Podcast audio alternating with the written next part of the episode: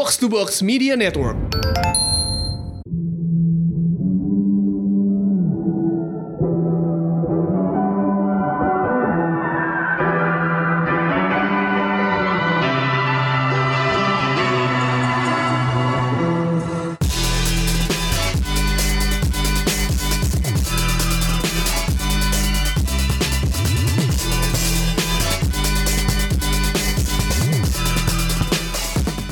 Selamat datang di Showbox Podcast. Ada gue Lisa. Dan gua Angga. Angga. Udah berapa minggu kita gak ketemu ya? Angga lo ke mana aja?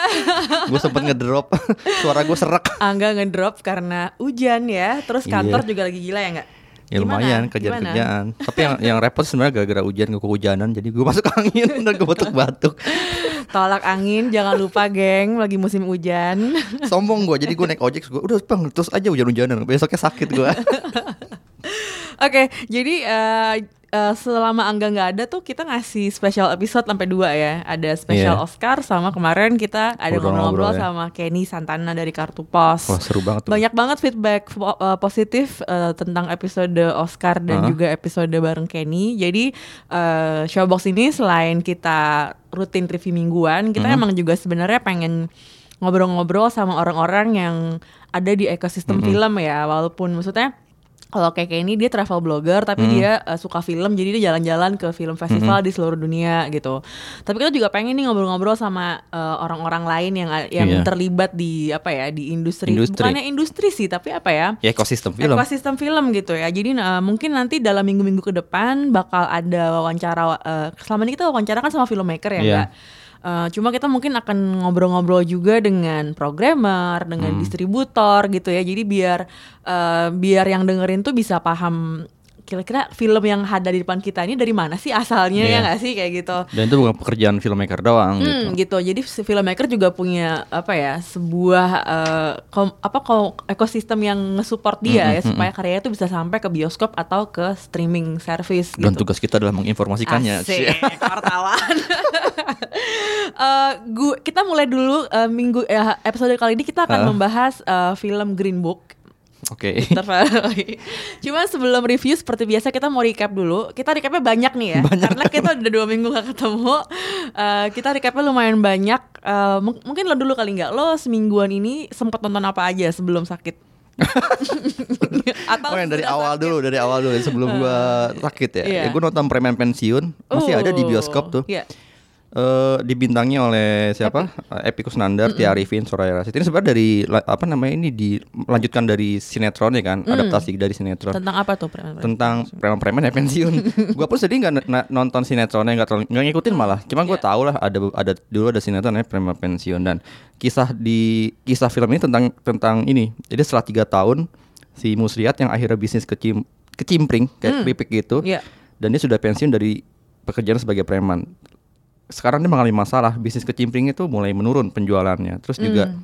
ada teman-teman mantan pen eh, premannya yang membuat masalah juga gitu. Hmm. Di satu sisi anaknya tuh anaknya si Muslihat yang udah remaja udah Iya. udah SMA eh, ABG nih udah dideketin sama cowok cie. Dia sebagai mantan preman dan seorang ayah merasa merasa harus melindungi anaknya juga. Hmm. Tapi di satu sisi di sisi lainnya ada masalah pelik yang lebih besar itu yang tadi gue bilang ada masalah yang melibatkan teman-teman mantan preman, anak-anak Oke. buahnya. Hmm. Dan itu menarik banget sih. Suka filmnya? Surprisingly suka gue. gue belum sempat nonton karena ini bioskop tayangnya di bioskop yang lumayan Iya, jauh dari emang. peredaran pergerakan gue sehari-hari gitu. Jadi Ini lo akan nemu ini di PS sih atau di Sensi gitu. jadi gue agak-agak kesulitan untuk bikin waktu buat eh, Pinggiran ya. Iya gitu, agak-agak susah. Sementara gue tinggal di pinggiran juga, tapi di pinggiran gue nggak ada di Gue di ya? Jakarta Barat kan, jadi Iya, nggak nggak ada. ada itu film itu. Jadi di sekitaran eh, kebun jeruk Mungkin gitu. harus pindah rumah lo segitunya. gitu. Gue pengen sih nonton film ini. Semoga masih ada ini Iya, ya iya. jam tayangnya. Selain itu lo nonton apa lagi nggak? Gue nonton eh, serial di Netflix Uh, Kingdom. cie. Akhirnya gue nonton serial setelah Angga nonton TV series. serial Netflix gue pikir awalnya nyoba-nyoba doang tuh episode eh kok bagus ya tentang ini tentang eh, zombie ini sebenarnya. Oke. Jadi tentang eh, Settingnya di mana? settingnya masa lalu period gitu Period- eh, periode period lama ya. Joseon di Korea. Ada seorang pangeran dari sebuah kerajaan di Korea yang sebenarnya awalnya pengen mencari tahu eh, tentang penyakit ayahnya yang disembunyikan oleh orang-orang Oke. terdekat ayahnya. Tapi dalam satu sisi dia juga pengen eh, mem- meng- apa ya, pengen mengambil alih kekuasaan ayahnya. Hmm, secara baik-baik gitu sebenarnya. Eh, cuman dianggap oleh para orang-orang terdekat ayahnya ini dianggap dia dianggap sebagai pemberontak. Dan akhirnya dia mencari tahu penyakit ayahnya itu apa em, dengan me- me- menemui seorang tabib lah. Mm-mm. Jauh j- rumahnya jauh dari kerajaan dia menemui menemui tabib itu dan dalam perjalanan ternyata si tabib itu udah meninggal karena eh, ada serangan dari zombie-zombie. Gue nggak bisa cerita zombie-zombie itu eh, Oke. dari mana datangnya. Itu menarik banget soalnya harus di- harus nonton sendiri. Gue akan nonton nanti sih. kalau balik ke Netflix. Oh iya lu lagi Sekarang enggak lagi ya? selingkuh. lagi selingkuh. Cuma 6 episode doang sih ya di season Oke. pertama ini. Menarik karena Hmm.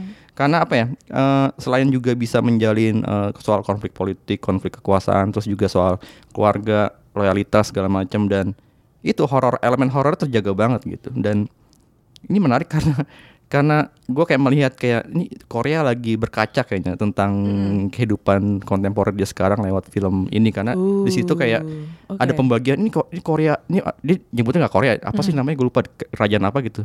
Ini kerajaan bagian selatan ini Hmm. kerajaan bagian utara gitu. Dan ini dipisahkan oleh tembok karena akhirnya tembok itu ditutup pintu gerbangnya karena ada serangan zombinya tuh makin mendekati ke arah utara bayangin dari selatan ke utara bukan kebalikannya Hmm. Gitu iya, iya, iya. itu menarik sih kayak jadi ada isu-isu imigran Tapi cuma gitu 6 episode ya? Ini baru kayak enam dia tuh nanggung masih 6 itu udah selesai satu, Belum. satu season atau Belum, belum, Oh, belum, belum. belum. Jadi Nah, itu dia akan terus ada. masih ada sih kayaknya katanya sih bulan Februari ini akan mulai produksi lagi untuk season kedua Oh enggak maksud gue 6 episode season 1 season 1. season satu season satu Oh, season jadi satu. kayak serial-serial Inggris ya tipenya ya yang Iya, mungkin ya. emang Gua kayak nggak- limited gitu yang cuma 6 6 sampai 8 palingan paling Dan banyak. itu Mm-mm. nonton ya nanggung sih tapi bagus Oke.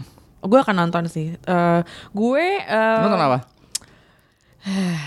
Jadi kemarin gue nonton Instant Family. oh Mark Wahlberg Mark Wahlberg dan Rose Byrne ini eh, ini film tentang keluarga angkat ya foster bukan keluarga angkat sih tapi kayak keluarga asuh gitu karena ini Hmm. orang-orang eh, anak-anak kecil yang sebenarnya ibunya masih ada tapi eh, kena terlibat apa sih kayak drugs abuse terus Oh, di penjara mereka. jadi kan mereka nggak ada yang ngerawat kan. Jadi anak-anak ini dikasih ke keluarga asuh gitu. Dan ini menurut gue cerita yang jarang diangkat gitu. Jadi gue suka banget gitu. Dia kan bentuknya drama komedi. Jadi emang lucu banget. Dan emang di sini si Mark Wahlberg sama Rose Byrne menurut gue pas banget buat jadi couple yang Hmm. eh, ya sangat relatable sangat manusiawi. Bukan yang tipikal apa couple yang all everything's perfect gitu bukan jadi kayak yang ah ini gimana gue punya anak angkat tiga Eh, Hmm. terus yang satu masih yang satu udah ABG, yang satu masih kecil, yang teriak-teriak nggak Oh, mau makan beda-beda kayak banget gitu. ya? Iya, jadi kayak ada yang jadi saat tiga anak tiga anak dua perempuan satu cowok gitu terus yang cowoknya tuh yang dikit-dikit tuh kena kayak little accidents yang kepalanya kejedot lah yang Iya. jatuh lah yang kena yang kena pistol paku lah pokoknya.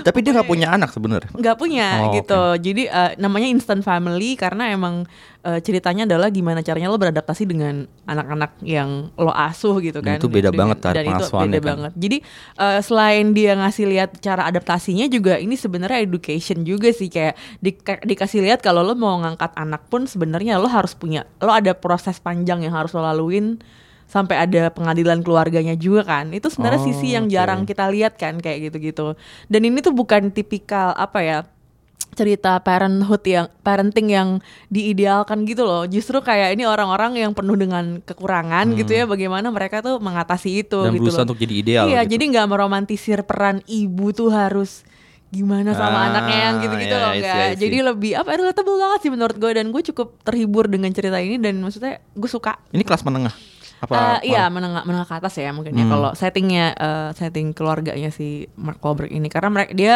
tuh konstruksi tukang konstruksi bangunan gitu yang suka Hmm. bener-benerin rumah terus dengan didekor ulang terus dijual kayak gitu-gitu Hmm. agak-agak mirip This Is Us yang gue juga lagi tonton di Amazon Prime eh, cuman kalau This Is Us kan sangat bikin tiap episode tuh kayaknya gue berdarah-darah ya. nangis banget karena ini kayak bapaknya sempurna banget gitu. Kalau ini tuh enggak karena emang kayak tapi eh, cukup reasonable dan lucu gitu. Jadi pas banget lah menurut gua formulanya. wah Jadi gua gue udah bilang sama lo, lo kayak suka iya deh. tadi lu bilang gue kan Kayak lo suka deh iya. Instant Family, ha. kayak lo suka deh film-film itu.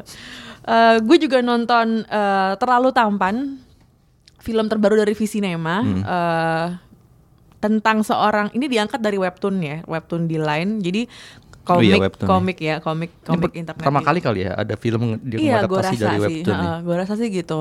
Jadi memang eh, adaptasi ke layar lebarnya tuh sebenarnya karena gue nggak baca eh, komiknya Webtoon, kan, hmm. jadi gue agak-agak sempat susah beradaptasi dengan formatnya yang cukup Oh, gitu. komikal.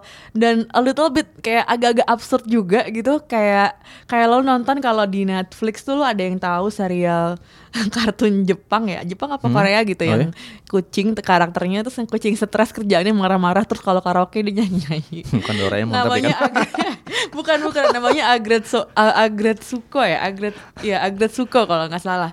Itu tuh kayak mirip-mirip kayak gitu. Kayak absurd absurdnya tuh kayak gitu Uh, Oke. cuman uh, nggak tahu gue nggak terlalu ini sih nggak terlalu menikmati sih gue agak-agak nonton ini kayak aduh kayak nggak sabar pengen cepet selesai filmnya gitu loh tapi gue pengen nonton besok.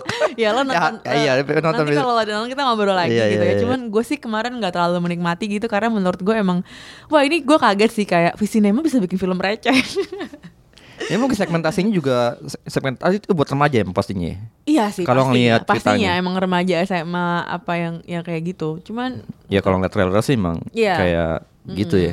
gitu. Gue sama Angga nih juga nonton ini ya sebuah film dokumenter di Oh, iya. Netflix. Jadi di hari terakhir gue berlangganan Netflix gue sempat Sebelum nonton lu ini ya. nonton Fire. Jadi ini film dokumenter. film dokumenter eh, tentang The Greatest Party That Never Happened. Widih, tapi judulnya aja udah menarik banget Iya. ya. Tapi gue pernah, pernah denger sih emang tentang kasus fire Iya, ini gitu. Cuma nggak kan tahu segitunya waktu tahun gitu. berapa ya? 2016 2017 Iya, ya 2017, itu. 2017. itu emang rame banget di Twitter ya terutama ya Eh, karena ini ceritanya tentang eh, sebuah film festival yang digawangi oleh entrepreneur ini sebenarnya entrepreneur lagi hits hitsnya nih kalau di Iya. Amerika namanya Billy um, McFarlane. Billy McFarlane dan dia bekerja sama dengan Jarul Iya loh. Jarul, Gila, Jarul kalau lo generasi Masih gitu ya. kalau awal 2000 masih sekolah sih tahu lah itu Jarul sama Ashanti ya kan nah Masih sudah jangan ngomongin tahun. Nah itu eh, jadi ceritanya tentang itu. Jadi bagaimana festival itu dilaksanakan di, di apa dari dari dari konsepsinya ya dari awal gitu Mhm. mereka bikin. Karena itu banyak banget footage footage yang dari awalnya tuh eh, gimana mereka ketemu, terus gimana mereka rapat gitu kan mau bikin ini mau bikin Iya. itu segala macam gitu loh. Dan ini ada ada wawancara wawancara dengan beberapa anggota apa ya beberapa kari- mantan, Mantan karyawan, karyawan. ya yang waktu itu juga terlibat membantu. Mm-mm. Sebenarnya ini sebenarnya Jarul sama si Billy McFarlane ini pengen bikin app Mm-mm. buat ngebooking artis Ngebooking gitu ya. artis. Jadi kalau lo mau ulang tahun lo booking Coldplay gimana caranya? Lo Pakai- buka lah iya. app ini gitu. Fire judulnya kan. Ah. Nah, untuk mempromosikan app Fire, ini, ah. mereka mau bikin Fire Festival Yang gede banget itu. yang katanya di apa ya mereka tuh ngegawa apa sih eh, kayak mempromosikan acara ini sebagai festival yang gak ada duanya di seluruh dunia Hmm. dilaksanakan di sebuah pulau di Bahama Island Cantik banget tuh pulau. bekas punyanya Pablo Escobar. Pablo Escobar gue denger aja udah kayak oh, Oh, god siapa yang mau ke sana gitu kan terus habis itu em, eh, dan itu ada video yang emang menarik banget model-model Iya, cantik ya model kan Ini ya video-video promosional Iya, mereka video ya. promonya memang digarap dengan sangat profesional. Iya, iya. Ada dan nama-namanya tuh orang-orang yang Iya, Hailey, itu- Hailey Bieber gitu, Iya, Hailey Baldwin supermodel belum nikah. Iya, ada Kendall Jenner, Bella Hadid ya orang pasti wah iya dong gue mau Iya, ke iya. sini kalau ada Kendall Jenner sama Bella Hadid gitu. Dikasih Eh, impian-impian ya. Iya, dan ternyata itu semuanya scam, nggak terjadi. Alias semua nggak terdeliver aja kan. Hmm. Dia dia gagal untuk Dia nggak bisa semua. nge- ngebangun. Jadi dia nggak arti cara bikin festival Iya, musik sebenarnya gimana dia gitu. Gila, Gila, aja sih gila. menurut gue kayak agak-agak gede, eh, tapi- tapi nggak bisa dijalankan Ah. gitu loh. Gimana menurut lo film dokumenter satu ini? Dokumen ini mem- membuat gue jadi mengerti oh ternyata Fire dulu gagalnya begini tuh dan Hmm, setelah rame-rame di Iya, ya, gue sempat internet ya. sempat Hmm. denger juga kan, sempat di berita juga di media-media besar juga. Ya. Dan eh, cara film ini memperlihatkan eh, kejadiannya, gimana proses dari awal sampai akhir, gimana kesaksian para mantan karyawan termasuk dari orang-orang agensi yang di hire sama si Billy ini, Hmm. eh, memperlihatkan, oke ternyata eh, secara kita bisa ngeliat karakter Billy itu seperti apa. Oke. gitu. Terus yang menarik juga gimana impian besar itu Hmm. tidak bisa terdeliver seperti kata lo bilang karena memang tidak punya kemampuan gitu, tidak punya kapasitas untuk itu. Hmm. Tapi yang, yang gue lihat juga dari film ini karena ini juga sih eh, ini kan sempat tahun 3 4 tahun 5 tahun yang lalu sempat ada kayak peringatan bukan peringatan sih kayak aja kayak ada ya orang suka orang para para pengamat bilang kalau ini jangan jangan sampai ada bubble di industri tech gitu kan Yeah. di startup bisnis kita gitu di dunia dan gue ngelihat ini semacam kayak peringatan lagi sih buat para pelaku industri digital gitu sekarang di startup. Kalau orang-orang yang akhirnya bangun dari orang-orang yang lahir dari industri-industri ini juga eh, ini pengusaha-pengusaha muda kan si termasuk si Billy ini. Dia muda banget loh masih 20-an tahun udah Iya. bisa bikin kayak gini. Tapi ternyata kapasitas tidak mumpuni untuk bikin untuk bikin sebuah festival sebesar ini. Akhirnya kita gue jadi mikir berarti memang eh, berarti memang untuk jadi pengusaha eh, itu nggak cuma dibangun oleh eh, otak atau inovasi atau eh, lu berani ber- bersikap atau berani negosiasi tapi juga pengalaman juga gitu. Dan orang-orang harus juga ngeliat itu juga sih. Orang-orang di luar untuk mau mau, mau berbis- mau berbisnis dan menjalin networking dengan orang-orang seperti ini gitu. Ya, filmnya menarik sih cuma sayangnya kenapa nggak ada wawancara dengan si Billy ya? Hmm, jadi film ini dibuat sama Jerry Media yang nongol di akhir-akhir kan nongol tuh di akhir-akhir gue Jerry Media sebagai perusahaan yang yang ada ada di dokumenter Oh tuh iya, ada, iya, iya, benar, benar, benar, uh, benar. gitu. Tapi katanya Billy itu adanya di dokumenter. Yang jadi ada Hulu. dua nih ada dua versi Netflix sama versi Hulu. Hulu itu uh, streaming service di Amerika. Jadi dia belum belum go internasional. Jadi kita nggak bisa akses Hmm. gitu. Gue udah mencoba. Gue nyoba ke teman gue yang tinggal di sana. Gue boleh nggak gue minjem akun lo gue pengen lihat bisa apa enggak gitu nonton bisa filmnya ya. karena gue mau ngebahas film ini di podcast cuman emang nggak ada emang nggak bisa gitu kalau di luar sana dan eh, katanya yang di versi Hulu itu dia ada sih Wawancara. Billy-nya. cuma katanya dibayar juga di situ gue nggak tahu juga Anjir orang jadi you know what dia sebagai businessman emang dia tahu value-nya aja sih dan dia- dia udah keluar dari dan penjara, kalau kan? buat orang-orang yang suka minder di luar sana kalau lo nonton film ini niscaya lo akan percaya diri karena kalau lo nggak bermaksud jahat sama orang ini orang aja yang jahat kenapa dia pede banget Gua banget dan dia nggak bayar berapa puluh orang, Iya, berapa ratus orang nggak kan? dibayar kan sama dia gitu. The- men- menurut gue hal yang paling gila dari film ini ketika lo nonton adalah lo lo, lo tahu orang-orang di sekitar Billy dan Jarul dan siapalah itu yang di, yang sebagai apa ya pusat Hmm. komandonya lah ya.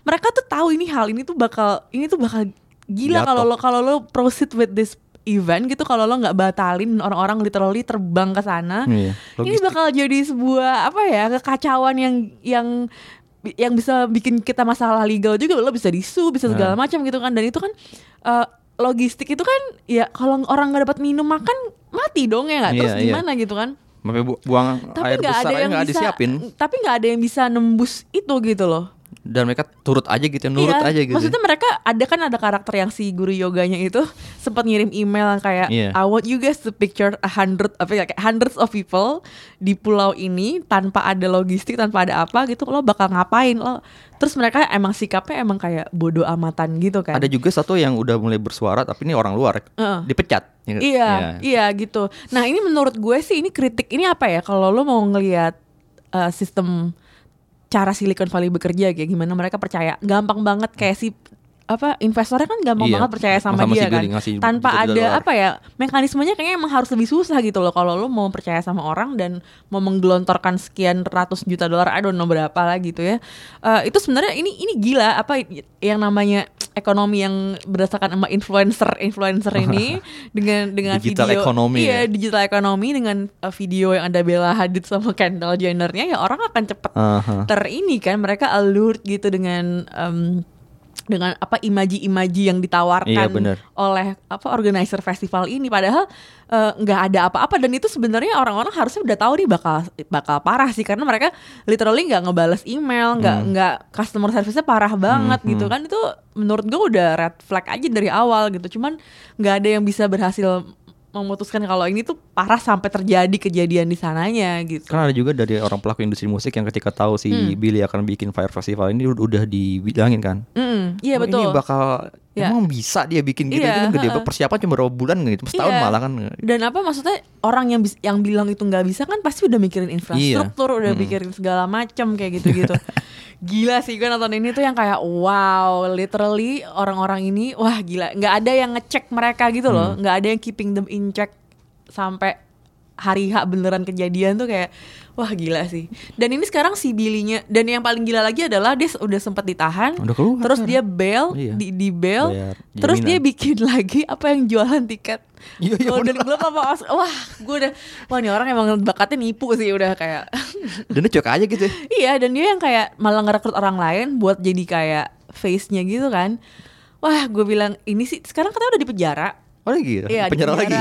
tujuh tahun apa enam tahun ya? Oh dia nggak mau jadi CEO Karena dia kan? sudah, iya dan dia uh, udah sama federal kan itu jadinya kejahatan Hmm, FBI. federal. Mm-mm. Wah jadi Tapi ini menarik sih dokumenter yang dibikin dengan well prepared Ya, dan iya, dijahit dengan bagus banget gambar-gambarnya Nah gitu. itu bisa ada footage-nya itu hebat ya. Hebat ya. Kayak Termasuk gimana dari ya? ngambil CCTV loh. Iya. Ya kan? Heeh, jadi kayak emang lengkap banget gitu Hmm. ya. Cuman memang gue berharapnya orang-orang kayak harusnya dia disclose sih ini Jerry Media yang bu produksi dan dia terlibat di sebenarnya terlibat di Firefest itu gitu Hmm. loh. Jadi gue baca artikel bagus banget di kalau nggak salah di dekat ya di majalah eh, media Hmm. Amerika gitu yang ngepoint out kayak calling out people yang sebenarnya yang bersalah tuh bukan cuma Billy McFarland doang.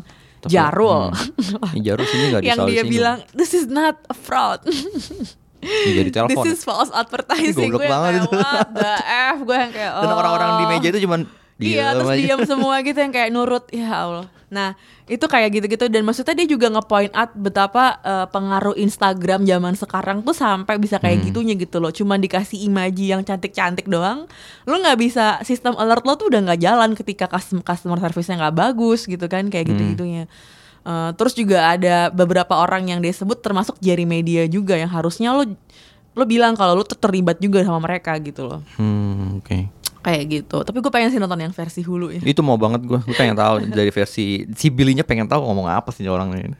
lo nonton ini ya Upside Iya, Upside. Eh jadi ini baru film berapa hari lalu gue nontonnya. iya jadi ini film eh, remake Amerika dari film Prancis yang judulnya Untouchable Nonton loh yang yang Prancis. nonton yang Untouchable gue suka banget kan itu lucu banget Terma- ini ras ini juga eh, beda ras beda juga. ras juga Oke. heeh, beda ras juga Jadi ini tentang apa namanya seorang miliarder. Ini versi Amerikanya ya, The Upside. versi Amerika. Seorang miliarder bernama Philip La- Lacasse Hmm. yang lumpuh setelah mengalami kecelakaan paragliding. Iya. Dia suka melakukan olahraga paragliding. Mhm. Lalu dia mempekerjakan si Dale Scott diperankan oleh David eh, Kevin Hart. Yang tadi si Philip diperankan oleh Brian Cranston, Hmm. Cranston dan si Dale ini jadi pengurusnya si eh, Philip. Hmm. Jadi asistennya juga lah gitu.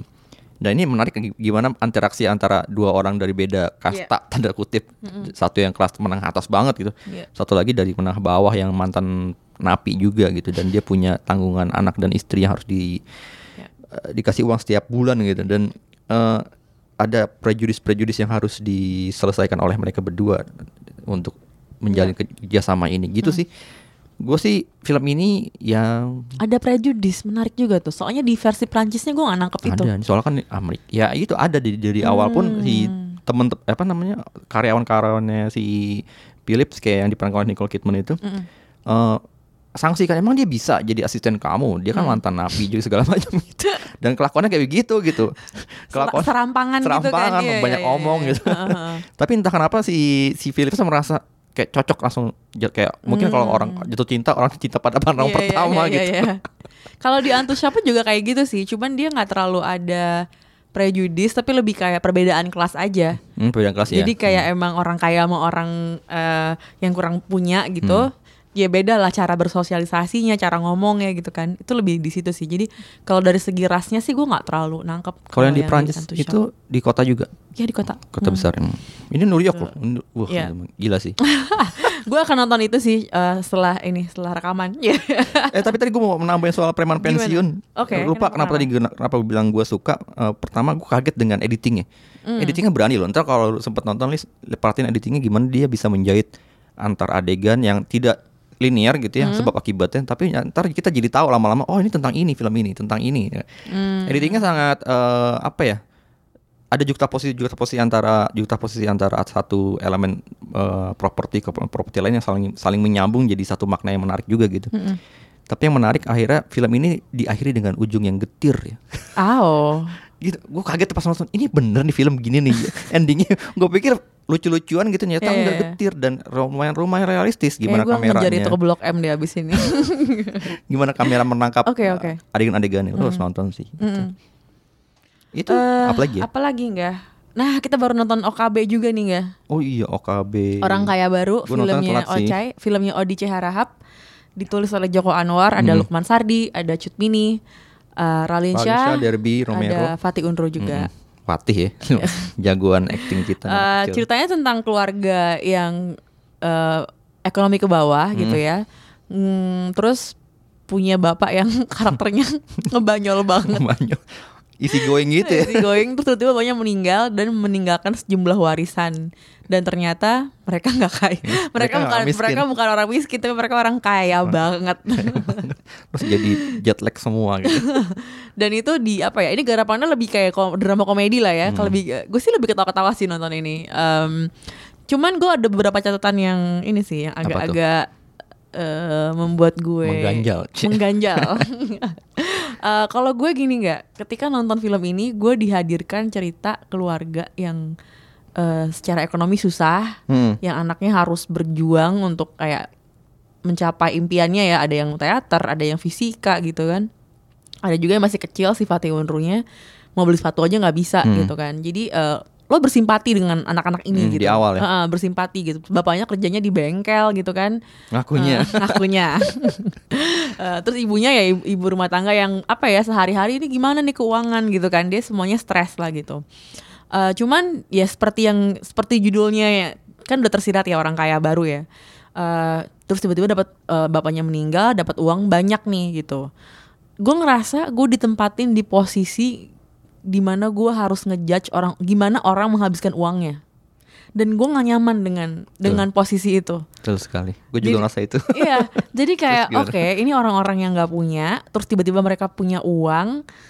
Uang itu kan akses ya, lo bisa masuk toko apa, lo bisa belanja apa, lo Hmm. bisa beli apa gitu kan, dan lo jadi yang kan paling kelihatan dari anak-anak yang si Ralinsyah dengan si itunya tiba-tiba marketnya jadi bagus ya sebagai apa pelajar arsitek, terus eh Drebi Romero jadi bisa nge-hire aktor gitu kan, itu kan akses gitu ya, tapi terus eh, seolah-olah di dikemas kalau itu tuh harusnya lo nggak kayak gitu gitu gitu. Ada ada, sedikit patronizingnya juga gitu cara jalan-jalan ceritanya. Itu sih yang bikin gua agak-agak aduh gimana ya? Gitu. kayak gue mau ketawa karena emang filmnya lucu gitu. Cuma Ketahan. ketahan gitu gue sama sih ngerasain kayak lu juga. Malah gue sepanjang film gue jadi mikir, Hmm. jadi inget eh, s- apa namanya tayangan-tayangan TV yang mengeksploitasi orang miskin itu. Lu? Hmm, Yang kayak gimana eh, tuh? bedah rumah, ah yang ya, setelah ya, ya, dikasih ya, ya. uang untuk belanja, oh cepet buru-buru, bu- Hmm, hmm, hmm. harus dibelanjain secepatnya. Hmm. Dan kita melihat pen- penonton TV melihat melihat tayangan-tayangan seperti itu ya seru aja gitu. Dan Hmm. kadang-kadang bukan kadang-kadang sering kali dieksploitasi itu drama-drama di misal kayak di bedah rumah kan Iya. ketika rumahnya jadi kita melihat lagi gimana ekspresinya si para yang punya rumah Iya, itu gitu. Ha. dan di sepanjang sepanjang film gue menemukan nuansa itu merasakan Hmm. nuansa itu di film ini di film OKB ini. Dan gue nggak gue kayak merasa film ini kok kayak ketika akhirnya si keluarga ini jat, jat- jatuh kaya bukan jatuh miskin ya jatuh kaya. Jatuh kayak kok lu kayak jadi film pembuat filmnya jadi kayak mera- mem- mem- mengolok-olok uh, kelakuan mereka gitu. Yang tadinya miskin jadi kaya uh, gitu. Terus gue ngeliat ada konsistensi karakter pengembangan karakter sih. Soalnya di karakter di awal kan bapaknya tuh si Lukman Sadi selalu menanamkan soal uh, kesederhanaan hidup kan. Hmm. dan anaknya sebenarnya udah udah merasakan itu udah Iya. menjalani itu semua. Tapi tiba-tiba dapat uang uang segitu gede. Eh, perubahan karakternya itu sangat liar Drastis. gitu, drastis dan itu akhirnya gue mikir ini apakah cuman karena mau diciptakan sebuah komedi jadi dibikin seperti ini gitu eh, karakter-karakternya Ya. yang yang si Ralinnya si Tikanya apa namanya eh, dia mau beliin motor si Banyu pacarnya kan dengan, dengan gampangnya gitu Iya. kan. Terus si siapa si eh siapa? Kakaknya kok gue lupa si Debbie Remaya juga gampang dengan gampangnya udah gampang ini teater ini gue udah bayar segala macam gitu untuk bikin teater. Padahal dia akhirnya mengalami suatu masalah. Dia itu dia jadi menghabur-haburkan uang segitunya gitu. Itu sih yang gue gue juga merasakan hal yang sama dengan dengan gue gue sepanjang film eh, karena ada karena ada ada narasi yang tidak dibangun dengan baik itu gue jadi mikir gue nggak ketawa sih sepanjang nonton film itu. Dan dan ada ada ada ada kelemahan-kelemahan teknis kecil cuman mengganggu menurut gue ya. Hmm. lu perhatiin nggak? Eh, si Derby itu kan dia tatoan ya aslinya kan. Tatoan itu ada di bagian-bagian leher gitu kan. Hmm. di film itu ada satu ada satu shot satu adegan di satu shot yang kelihatan tatonya tuh ma- masih ada bekas-bekas dihapus gitu terus di shot berikutnya hilang Hmm, Ada lagi oke. satu I adegan. missed that. Gue gak, gua gak kebayang itu. yang lucu karena dia, dia di posisi di tengah aja kelihatan banget waktu itu Hmm. terus ada juga adegan si Tika nih Ra- Ralin Iya. dia di habis dari kampus di kampus dia pakai baju panjang gitu kan Mm. terus basah keteknya men Terus saat adegan berikut eh, di shot berikutnya hilang gitu. Jadi ada Hmm. hal-hal sederhana kayak gitu yang miss aja sih sama si continuity-nya gitu. Iya. Harusnya itu bisa di prepare dengan. Padahal film ini kan harusnya Mm. well prepare ya gitu. Ya gitu sih menurut gua. Ya, gue agak-agak kurang bisa ngerti kenapa eh bapaknya yang sedemikian disiplin ngajarin keluarganya supaya berhemat, terus tiba-tiba ketika dia meninggal digelontorkan. Untuk ngetes apa gimana gitu. Ngetes, tapi kan dia udah meninggal ya. Jadi maksudnya gimana cara nguji? lucu. Tapi gue suka sih act- acting Lukman di dalam video. Iya, iya, iya, iya, iya. Sebenarnya bapak udah Gue meninggal. kayak ketawa di bagian itunya, Iya, di gua. bagian video ya Lukman itu gitu. Eh, Fatih Unro gue suka banget. Iya dia selalu men- Iya. selalu menonjol. Aduh dia, iya sih. Gue sangat, menurut gue yang kuat ya dari anak-anaknya itu dia gitu. dia paling paling natural ya. Iya. Iya dia paling natural tuh acting Fatih Unru. Ada satu adegan yang ketika dia udah kaya terus eh, apa namanya dia makan kan biasanya ba- makan bareng terus kan sama keluarganya. Dan ini karena semua udah kaya semua udah punya duit jadi mereka makan sendiri sendiri dan Fatih eh si Fatih si siapa? Karakternya. karakternya ini makan sendirian di meja makan. Akhirnya dia merasa kesepian akhirnya dia manggilin dong manggil pembantunya. Mbak mbak sini temenin saya makan. Dan itu aktingnya natural banget bagus tuh Gue sangat suka dengan Fatih di film ini. Eh, iya itu sih kayaknya. Kayak kita harus segera selesaiin recap Iya. yang sangat panjang ini setengah jam. Karena banyak banget. Udah semua ya enggak ya kita Udah, udah, udah. bahas segala macam. Oke, langsung kita ngebahas film Green Book dengan trailer berikut ini. Yeah. Some guy called over here, a doctor. He's looking for a driver. You interested? I am not a medical doctor. I'm a musician. I'm about to embark on a concert tour in the Deep South. What other experience do you have? Public relations. Do you foresee any issues in working for a black man? You and the Deep South, there's gonna be problems. Promise me you're gonna write me a letter. I promise. Tell me that don't smell good. I've never had fried chicken in my life. You people love the fried chicken. You have a very narrow assessment of me, Tony. Yeah, right? I'm good. You be interacting with some of the wealthiest people in the country. It is my feeling that your diction oof, could use some finessing. Fun, uh, but wh- why you break my balls? Because you can do better, Mr. Valalonga. Dear Dolores. I saw Dr. Shirley play the piano. He's like a genius, I think. Come on, take it easy. I prefer not to get grease on my blanket. Ooh, I'm gonna get grease on my blanket. This gentleman says that I'm not permitted to dine here. I'm afraid not. How does he smile and shake their hands like that? Because it takes courage to change people's hearts. What are you doing? A letter. May I? Dear Dolores, sometimes you remind me of a house. You know this is pathetic, right? Put this down. The distance between us is breaking my spirit. Falling in love with you, Was the easiest thing I have ever done. P.S. Kiss the kids. that's like clanging a cowbell at the end of Shostakovich's Seven. And that's good. It's perfect, Tony. Come on, get out now. You never win with violence. You only win when you maintain your dignity. You don't know your own people. You, Mr. Big Shot, doing concerts for rich people. So if I'm not black enough, and if I'm not white enough, then tell me, Tony, what am I? Anyone can sound like Beethoven. But your music, what you do, only you can do that.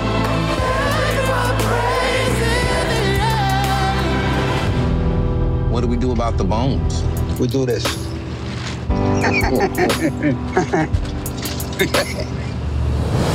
Pick it up, Tony. Squirrels would have ate it anyway. Pick it up. Itu dia tadi trailer dari film Green Book. Em, film ini tentang apa sih nggak?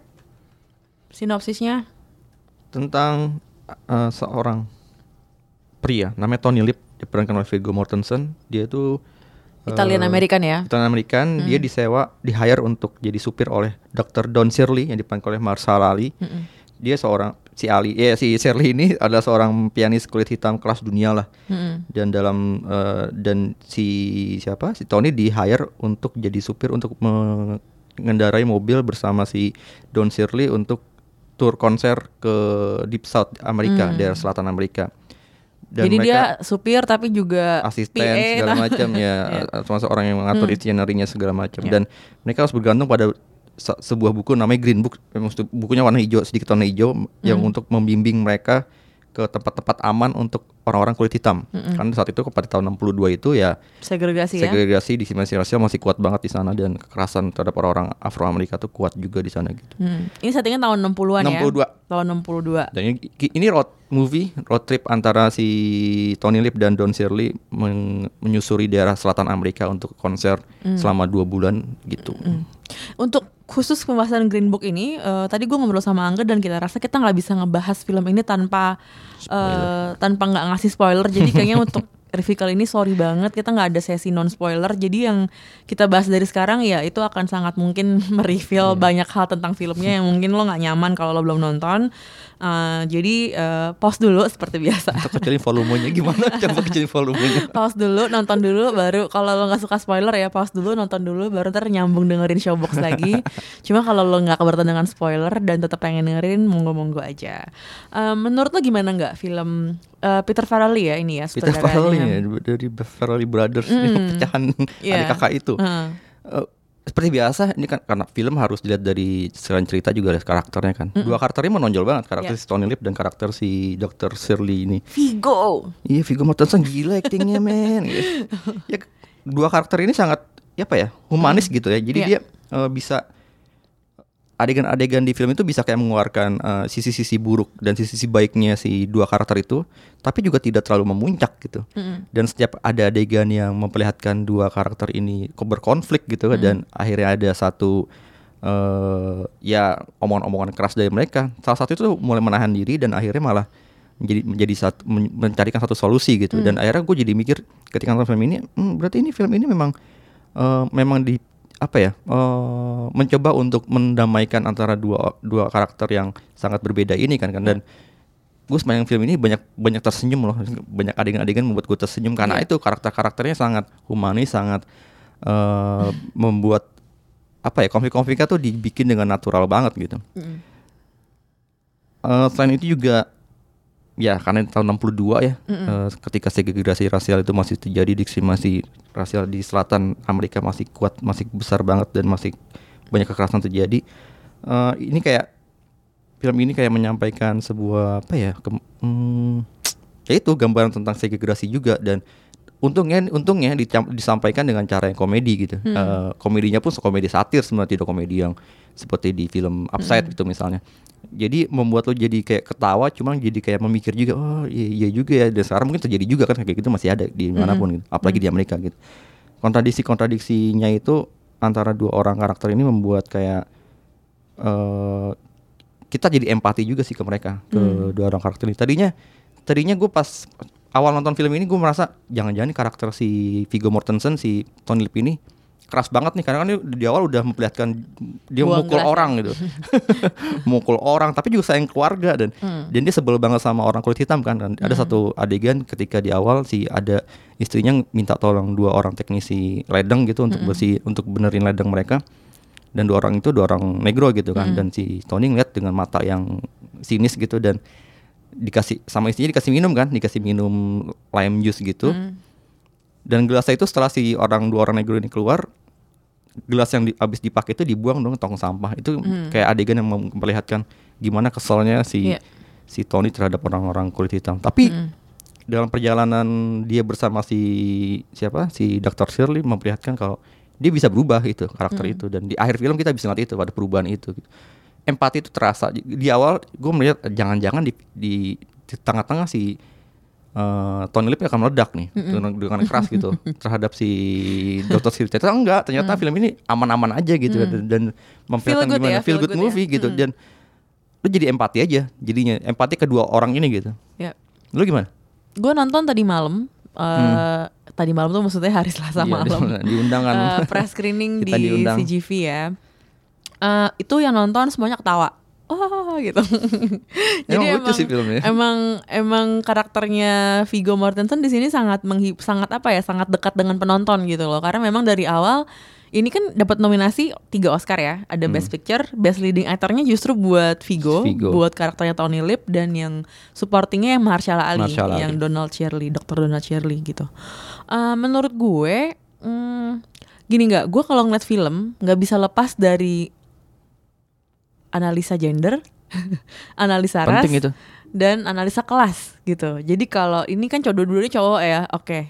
Jadi mungkin gue akan ngeliat dari perspektif itu dulu sih, dari Hmm. perspektif eh, kelas dulu kali ya. Dari kelas ini kan eh, dia ya orang yang ekonominya kelas menengah ke bawah gitu ya, orang orang Italian American gitu, Hmm. blue collar lah ya kerjaan dia tuh apa sih? Bouncer sebenarnya kan, bouncer. Cuman karena klubnya ditutup, jadinya dia hanya di kerjaan lain, dapatlah pekerjaan sebagai chauffeur nih, chauffeur plus butler plus apa gue nggak tahu, plus, sahabat juga kayaknya buat si Donald Shirley ini gitu loh. Hmm, gue ngelihatnya agak-agak eh komedinya agak ya feel good tapi bikin guilty juga gitu. Gimana ya enggak Iya, iya, iya. Eh, terutama ketika lo ngomongin rasnya sih gitu. Karena gini persis setelah film ini selesai gue pulang gue baca berita kalau ada aktor Jesse Smollett itu yang main di Empire. Oh ya? Uh, Empire Hmm, di TV series Empire. Dia diserang hate crime jadi ada orang dua orang kulit putih yang nyerang dia pakai apa topeng ski Uh, Hmm. terus dia disi, dia dipukulin dan dia disiram air keras Anjir, terus? air keras dan itu lagi di kasusnya lagi diperiksa sama kepolisian di Chicago Di kota nih? dan Di kota dikategorikan iya dikategorikan sebagai hate crime karena kalau di TMZ itu laporannya eh dibilangnya lo tuh homo gitu ya. Lo emang dia terbuka kan sebagai dia as Hmm. openly gay Hmm. actor gitu ya. Dan dia black act black actor gitu. Jadi dia udah kulit hitam dan dia juga homoseksual gitu. Jadi dia diserang kayak gitu. Jadi ketika gue selesai nonton Green Book terus gue baca berita ini gila ya di 2019 ini yang kayak gini tuh masih terjadi gitu. Seniman kulit hitam di di di Amerika itu masih diserang juga literally sampai disiram air air, air keras sampai dipukulin juga gitu Hmm. Uh, jadi menurut gue ketika tadi gue terhibur nonton Green Book gue jadi ngerasa enggak sih ini wa ini ini udah nggak waktunya bikin film yang uh, oke film ini ditulis sama anaknya uh, si Anaknya Tony Lip. Tony Lip. Jadi Tony Lip ini kan karakter beneran, karakter yang uh, dan dan emang di tagline-nya inspired by true friendship Iya. gitu antara Donald Shirley dengan Tony Lip gitu. Dan ini film ditulis oleh uh, anaknya Tony Lip si Val- uh, jadi Valelengo juga yang nulis gitu. Dan ini berdasarkan cerita-cerita bapaknya dan memang ada katanya sih ada recordernya tuh dia cerita uh, soal Hmm. persahabatan dengan Donald Shirley, Don- Donald Shirley. Uh, dan menurut gue, aduh, gue agak-agak keberatan ketika ceritanya itu ngeframe-nya gini nggak.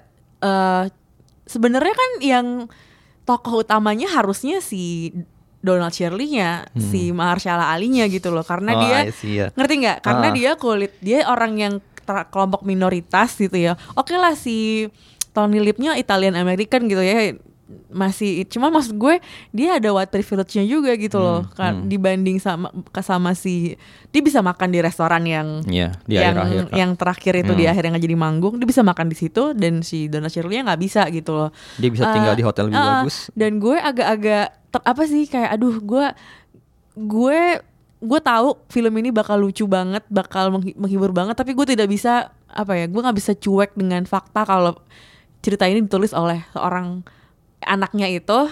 Dan setelah apalagi setelah gue baca-baca kalau keluarga Donald, Donald Shirley ternyata menolak kalau enggak kok mereka nggak temenan kayak eh, dan ada beberapa bagian di film ini yang sebenarnya katanya nggak kayak misalnya dia makan KFC ya of course dia pernah makan ayam goreng apa segala macam. Terus ada bagian yang katanya Oke. Donald Shirley-nya itu nggak nggak berhubungan dengan apa adiknya ya apa sama pokoknya sama, Iya, sama keluarganya ya. sama sama brothersnya gitu enggak itu katanya juga nggak bener kayak gitu gitu jadi eh, dan yang yang paling bermasalah adalah ketika dia ceritanya kan se- seorang kulit hitam yang sangat terisolasi dengan budaya orang kulit Iya. hitam ya karena Hmm. dia suka musik klasik bisa main copang gitu kan Eh, terus karena tuntutan karir dia harus jadi agak lebih ngepop gitu kan jadi dia nggak bisa main musik klasik karena orang nggak mungkin mau dengerin musik klasik yang dimainkan oleh seniman kulit hitam Iya. kayak gitu Eh, itu aja tuh kayak aduh terus kayak gue nggak tau dia nggak tahu Aretha Frank- Franklin terus Iya. ada kalimat kalau it's, it's your own people gitu Iya. kayak aduh gue denger itunya aja udah oh no this is that kind of movie gitu jadi itu mengganggu kenikmatan gue nonton sejujurnya jadi eh, gue ketawa gue ngerti kenapa orang-orang terhibur dengan karakternya Tony Lip gitu but at the same time gue nggak bisa ignore kalau itu em, Hmm, jadi masalah. ada problem di dalam pem- produksi pembuatan film ini gitu loh. Uh, gue baca sih akhirnya si Marshall Ali dan Vigo sudah minta maaf uh, ke orang-orang yang merasa tersinggung dengan film ini. Cuman tetap aja uh, kita sebagai ya orang Indonesia gitu ya kita nggak tinggal di Amerika dan mungkin kita jauh dari realita uh, sosial politik di Amerika gitu kan. Tapi kan sebenarnya sebagai penonton kita nggak bisa ignore juga ya. Kita we do Gimana? what we can and I think what we can do is at least to acknowledge the problems gitu ya. Kalau kita nggak bisa merubah faktanya itu yang ada di Amerika gitu. Uh, at least itu sih ya. At least kita kita nggak nggak nggak cuek dengan fakta kalau ini film sebenarnya bermasalah gitu. Tapi gue sepakat sama lo soal yang tadi ketawa nggak- eh, apa namanya nggak bisa tertawa banget. Tapi gue Hmm. juga bilang gue sepanjang nonton film banyak tersenyumnya, banyak ketawanya pun ketawa satir karena komedi satir kan. Ya. Dan emang tapi sebenarnya film ini bisa membuat eh, jadi kita sebenarnya bisa terrefleksi juga. Sebenarnya kan karena, karena kita kan negaranya Indonesia kan bukan negara yang eh, satu budaya aja kan. Kita Iya. multikultural dan majemuk banget. Eh, gue sepanjang nonton film ini teringat satu film pendeknya Nindi Raras yang dari Jogja kita orang bersaudara Iya. yaitu tentang satu adik kakak seorang adik apa sepasang adik kakak yang dari Papua kuliah di Jogja dan eh, mereka mencari kos kosan untuk tinggal untuk adiknya yang baru baru datang dari Papua dan Iya. kita diperlihatkan gimana eh, si adiknya ini susah banget dari kos kosan karena dia berkulit beda dengan Iya. dengan orang Jogja dan karena ada prasangka-prasangka buruk itu gitu. Sebenarnya kalau mau ditarik eh, konteksnya dengan Indonesia ada gitu. Ada bisa-bisa juga kita tarik karena kan kita bukan negara yang negara yang yang white supremacy segala Iya. macam kan. Ya gitu eh, maksudku maksud maksudku Aku. gue di kantor kadang ngomong aku loh. ya udah gitu karena eh ya sebenarnya masalah-masalah diskrimina- diskriminasi Iya. berbasis ras gitu kan, kelas, gender itu masih terjadi di mana pun kan di Indonesia juga gitu apalagi menjelang-menjelang politik kayak gini. Eh, itu sih gue gua gua gue sih merasa ada kaitan kalau di film ini dengan kita gitu. Tapi memang kalau emang dari segi gue baru tahu tuh malah kalau dari dari film ini sendiri ternyata ini bermasalah juga ya dianggap oleh para termasuk terutama di di dari kubu kubu dari pihak si Keluarganya Dr. Donald Shirley. Shirley. Mm-mm. Tapi gue merasa emang se- sepanjang film gue jadi gini loh. Shirley-nya kurang dieksplor ya karakternya? Nah itu karena Iya cerita ini ditulis oleh anaknya Tony Lip. Hmm, gue gak baca Jadi itu. dia dia kayaknya memang lebih pengen mengabadikan Bapaknya. sosok bapaknya dan bagaimana cara dia membesarkan sosok bapaknya adalah dengan mengkaitkan dia dengan seorang pianis kelas dunia yang Hmm. mereka pernah kerja bareng gitu loh. Bapaknya ini pernah jadi pernah main pernah nongol di film Godfather juga katanya. Oh gitu. iya. Godfather. ha-ha. Jadi kayak ada cameo-nya atau peran figuran atau gimana gitu si Tony Lip ini. Cuma maksud gue eh, ketika gue nonton film ini menurut gue ini ada yang salah dengan fokus ceritanya gitu loh karena lu lebih buktinya yang dapat leading Iya. nominasi leading aktornya Viggo Mortensen Mortensen, bukan Mahershala bagus Ali. Iya. gitu. Padahal kan lu pengen mengangkat bagaimana eh, seorang seniman kulit hitam berjuang di tengah politik segregasi gitu kan, politik Hmm. ras di Amerika gitu kan. Jadi, "Hah, tapi kok yang lo, tapi kok yang lu justru explore tuh justru si eh, Tony Lip dengan keluarganya lo sampai tahu tuh istrinya, eh, kakaknya, adanya semuanya Iya, kalau ngumpul pas keluarga. Natal. Nah itu nggak keluar di di kehidupan Don, de Shirley kan. Kita Iya, nggak tahu Donald itu Shirley itu digambarkan keluarganya. keluarganya. dia cuma tinggal di di sebuah ruangan di atas Carnegie Hall, Hmm. terus penuh dengan pat, penuh dengan aksesor artefak-artefak yang entah dari mana. Etnik-etnik iya, gitu ya. terus ada tahtanya, digambarkannya sangat apa ya highbrow, gimana gitu loh kayak semacam orang yang kelas tinggi dan nggak tersentuh gitu. Eh, ya gitu jadi gue agak-agak hmm, Bias really ya. gitu loh. Mu- mungkin bias tapi mu- sebenarnya menurut gue memang pe- pilihan fokusnya agak-agak bermasalah sih nggak Hmm. Eh, dan memang karena yang yang buat ya anaknya jadi of course dia membesarkan tokoh bapaknya Ini gue jadi inget soal ini soal white white whitewashing kan. whitewashing ya Iya, heeh. itu kan lagi emang bukan lagi ya selalu terjadi ya selalu di Amerika. terjadi, mm. Ya mungkin salah satu bentuk dari whitewashing yang berbeda heeh. aja dan gitu. maksudnya ketika udah tahun 2019 eh, masih ada kesalahan fokus subjek atau segala macam tuh kayaknya agak-agak eh, kurang bisa dimaafkan gitu. ketika orang-orang Iya, lebih iya. berharap mendengarkan cerita ya memang kalau emang lo mau menceritakan dari eh, perspektif orang kulit hitam ya biarkanlah mereka yang bercerita gitu kan.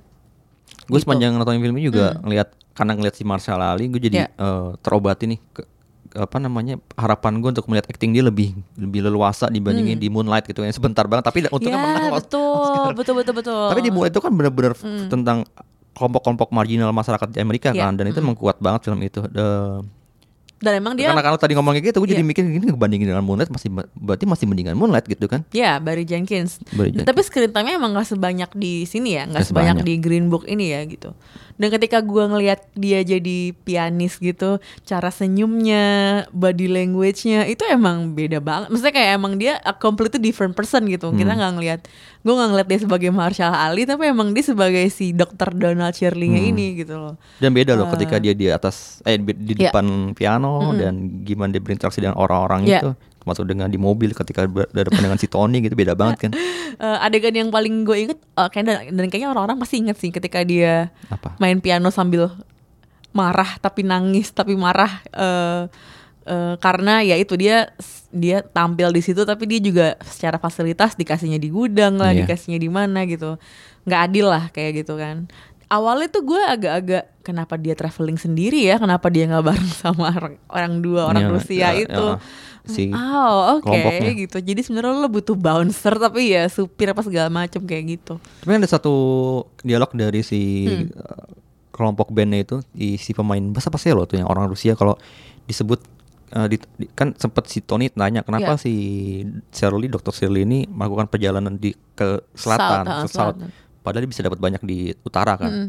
Ternyata kan emang dia pengen uh, mem- pengen mengubah Mm. pengen mencoba mengubah orang pandangan orang-orang yang di selatan ini terhadap orang-orang Mm. kulit hitam lewat uh, musik lewat cara dia kan Mm. dan itu butuh keberanian kalau kata si orang Rusia ini si temennya ini butuh keberanian untuk melakukan itu seperti yang dilakukan oleh siapa Nat King Cole dulu gitu Mm-mm. Hmm, oke eh, ada satu motivasi yang akhirnya terungkap di menjelang menjelang akhir film tentang kenapa si Dr. Shelley melakukan itu karena kan dari dari awal film berkata lu Iya.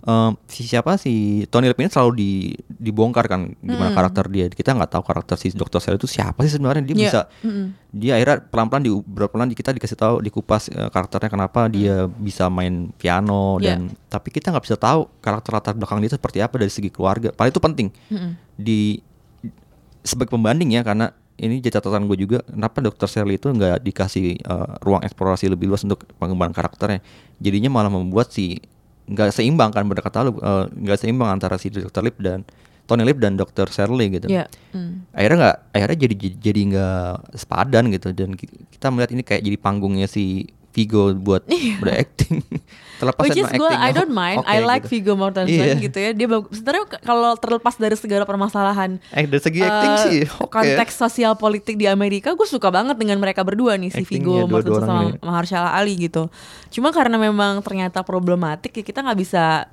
kita nggak bisa menegasikan itu juga ya nggak gua, ya, untung lu mention itu tadi. Gue cuma nangkapnya dari awal nonton film ini itu. Ini kenapa?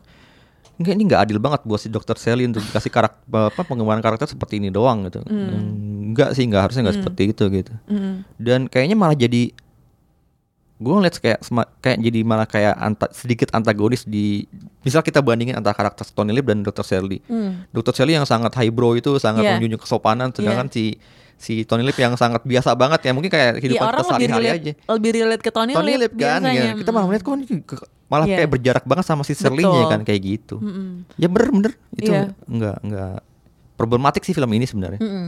Ya itu terlep ya tapi terlepas dari itu semua memang eh, kalau lo orangnya yang aduh hidup ribet ya. Harus walk banget nih harus walk gitu. Cuman ya emang itu nggak bisa terlepas dari itu ya. Nggak bisa lepas dari eh, kacamata itu menurut gue. Eh, kayak lo bisa aja sebenarnya ya menikmati film ini cuman lo nggak bisa nggak bisa sih menurut gue untuk ignore Gue sih tadi kemarin gue nonton Masalah-masalah. senyum-senyum aja gitu nih gimana nih filmnya. Pengen ketawa cuma aduh gimana gitu sedih juga sih sebenarnya. Iya, dan gue agak-agak ininya tuh yang itu sih yang bagian dia nggak suka Aretha Franklin gitu kan, terus Nah, di mobil ya, iya, eh, mobil. terus dia ngomongnya tuh kayak gitu kayak wow oke, It's your own people. kayak gitu. Ada lagi catatan soal Green Book nggak sebelum Eh, kita tutup? Soal musik Hmm, gimana? Eh, ini mungkin jadi kalau kita ta- tahun ini bik- bikin edisi apa namanya film Christmas, Iya, ini iya. kayaknya harus masuk. Terus kalau dari segi musik Oh, juga, iya. iya kan? Dan ini di Amerika sebenarnya rilisnya kan November ya, jadi sebenarnya Iya, bisa aja tuh bisa kalau mereka mau. tapi, tapi dari segi musik film ini lumayan kuat juga Hmm. eh, karena emang pemusik si karakter utamanya si siapa Dr. Shirley Hmm. dan gue juga terlepas dari masalah problematik film ini tapi apa yang disampaikan oleh karakternya si Dr. Shirley sebagai di pemusik sebagai dia orang Afro Amerika Mm-mm. dan dia jago main musik juga ketika dia ada di depan uh, piano, piano Hmm. mahal itu apa? Piano stand when piano mahal itu dan dia berubah kan jadi orang yang lebih berpendidikan, lebih orang yang punya percaya diri dan Yeah. orang yang setara dengan orang kulit putih. Jadi musik ini musik di film ini tuh kayak jadi semacam jembatan gitu kan buat eh, menjembatani antara eh, satu jurang ya. Iya. Antara satu sisi jurang, sisi jurang lainnya yang antara satu- warga kulit hitam, warga kulit putih. Hmm. Penyembatan aja sih. Tapi ketika si dokter Shirley-nya udah selesai main musik, dia turun, dia kan juga bilang kalau dia merasa saya seperti orang biasa, seperti orang Afro Amerika lainnya juga gitu. Hmm. Saya merasa eh, dia bukan sebagai orang Afro Amerika, dia ketika dia main musik gitu kan. Gitu Hmm. elemen musik film ini sebenarnya punya punya kekuatan kekuatan itu juga dan lihat bagaimana ketika si Tony Lip pertama kali melihat si Dr. Silly main musik Hmm. kan dia sempat langsung terperangah gitu kan langsung Ya. senyum sendiri gitu Hmm. itu juga tuh kayak oke musik di film ini lumayan lumayan penting gitu Buk- Hmm. bukan lumayan mah cukup penting gitu dan yang satu gue suka soal sinematografinya sinematografinya lumayan kalem ya Hmm. di satu sisi kalem karena memang eh, memang mungkin juga mengusahakan juga sesuai dengan itu kan settingnya menjelang Natal jadi kan musim-musim gugur yang ketika udah nggak panas-panas banget udah mulai agak-agak sejuk gitu saudaranya. Dan warna-warna itu warna-warna kalem pemakaian properti apa pakaian juga warna-warnanya kalem-kalem semua. Tapi di satu sisi gue juga yang ngerasa ini apakah cuma eh, warna-warna kalem ini untuk menekan eh, emosi yang tercipta karena ada pertentangan, dua dua konflik ya pertentangan dua karakter ini kan karakter yang satu kelas menengah eh kelas dari warga kulit, kulit putih atau kelas warga kulit hitam Ya. gitu warna-warna itu kayaknya mem- lumayan membantu meredam Hmm. mungkin juga jadi catatan balik juga buat mendukung pernyataan lo tadi tuh soal Hmm. warna-warna dalam film ini gitu gimana itu jadi kayak mendukung malah si white supremacy itu gitu Iya. gitu sih Tadi lo bilang soal musik, gue jadi kepikiran gini nggak? Eh, does it take for gini maksud gue gini? Apakah lo harus kan si karakter Tony Lip ini sebenarnya digambarkan rasis kan? itu itu awal itu, ya. itu udah dari awal udah udah jelas gitu. Wah ini orang rasis nih. Tapi maksudnya gini, lo harus ketemu orang kulit hitam Untuk- yang berbakat kelas dunia untuk dia berubah pikiran gitu loh. Itu yang membuat gue agak-agak hmm, gitu kayak ya kenapa lo nggak respect aja orang yang beda sama lo Nih, gitu tanpa ini kayak harus jembatan sementara musik Iya, heeh. jadi kayak kenapa lo harus mengalami sebuah pengalaman yang luar biasa gitu. Kalau si anaknya itu dia bilang ke media mana ya? Terus gue bilang, bapak gue adalah produk waktunya gitu kan. Cuma maksud gue Oh. Tetap aja eh, lo bikin film pun tuh produk waktu juga, produk budaya juga gitu kan. Jadi eh, kenapa harus yang kayak gitu gitu ya? Kenapa harus nih orangnya harus berbakat banget supaya lo bisa mengakui dia sebagai human being yang sebenarnya sama aja sama lo gitu kan? Itu sih yang asumsi-asumsi yang agak-agak cukup bermasalah yang Mhm. yang juga harus gue angkat sih. Satu lagi soal hipokrisi. Hmm. Film ini kan sangat kuat soal komuni, komuni, kemunafikan itu kan Ya, hipokrisi itu. Dan di akhir sebenarnya di adegan terakhir itu ketika akhirnya mereka makan malam bersama, itu kan datang tuh si Ya, tadinya kan si, si Dok- Shirley datang dengan bawa sempen kan dan Mm. satu keluarga itu orang-orang Italia Amerika ini pada kaget. Ya udah langsung kasih dong, kasih gini, kasih meja, kasih piring segala macam. Tapi di situ kelihatan itu masih kelihatan kalau mereka tuh merasa belum siap untuk menerima kehadiran si Dr. Shirley itu kan. Ya, uh. Dan film berakhir gitu aja gitu dengan dengan si Dr. Shirley di- dipeluk sama si istrinya si Dolores kan, istrinya si Dr. Tony Lip gitu. Kemunaf- kemunafikan itu masih terasa di akhir film gitu. Dan- Iya, dan itu nggak selesai kan nggak selesai. masalahnya. Hmm. Mm-mm. Dan mungkin itu menandakan kalau emang masalah ini belum selesai di Amerika. Udah Belum, belum jelas. kan? Seperti Jelas. abis gue pulang langsung baca berita Jussie Smollett diserang sama disiram air keras yang kayak, hah? kayak gitu sih. Ada lagi? Ah, gimana Donald Trump udah nonton film ini belum? Eh, kayak gitu dulu kali ya, nggak? Yoi. Pembahasan kita soal film Green Book. Eh, kita lihat nanti gimana mereka bertarung Di di Oscar ya? Oscar, kayak Oke sih enggak sih. 24 Februari. Eh, iya. Jagoan gue bukan itu sih. Iya, jagoan lo siapa sih Oscar?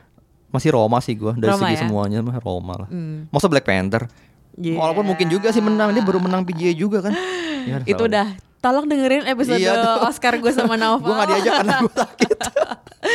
Tolong dengerin kalau mau ngebahas soal Oscar lebih lanjut kita detail banget di situ. Eh, itu dulu kali ya enggak? Boleh itu. Thank you banget kapan-kapan lagi. Udah dengerin kita sampai sejam. Lebih kayaknya sih. Eh, semoga kita ketemu lagi minggu depan. Kita bakal ngomongin film-film terbaru juga. Yoi. Mungkin ngomongin series terbaru, nggak tahu deh. Hmm. Tunggu aja. Kan ada wawancara juga. Ya, Showbox adalah kolaborasi The Good Show dengan Box to Box Media Network. Sampai ketemu di episode selanjutnya. Bye. Bye.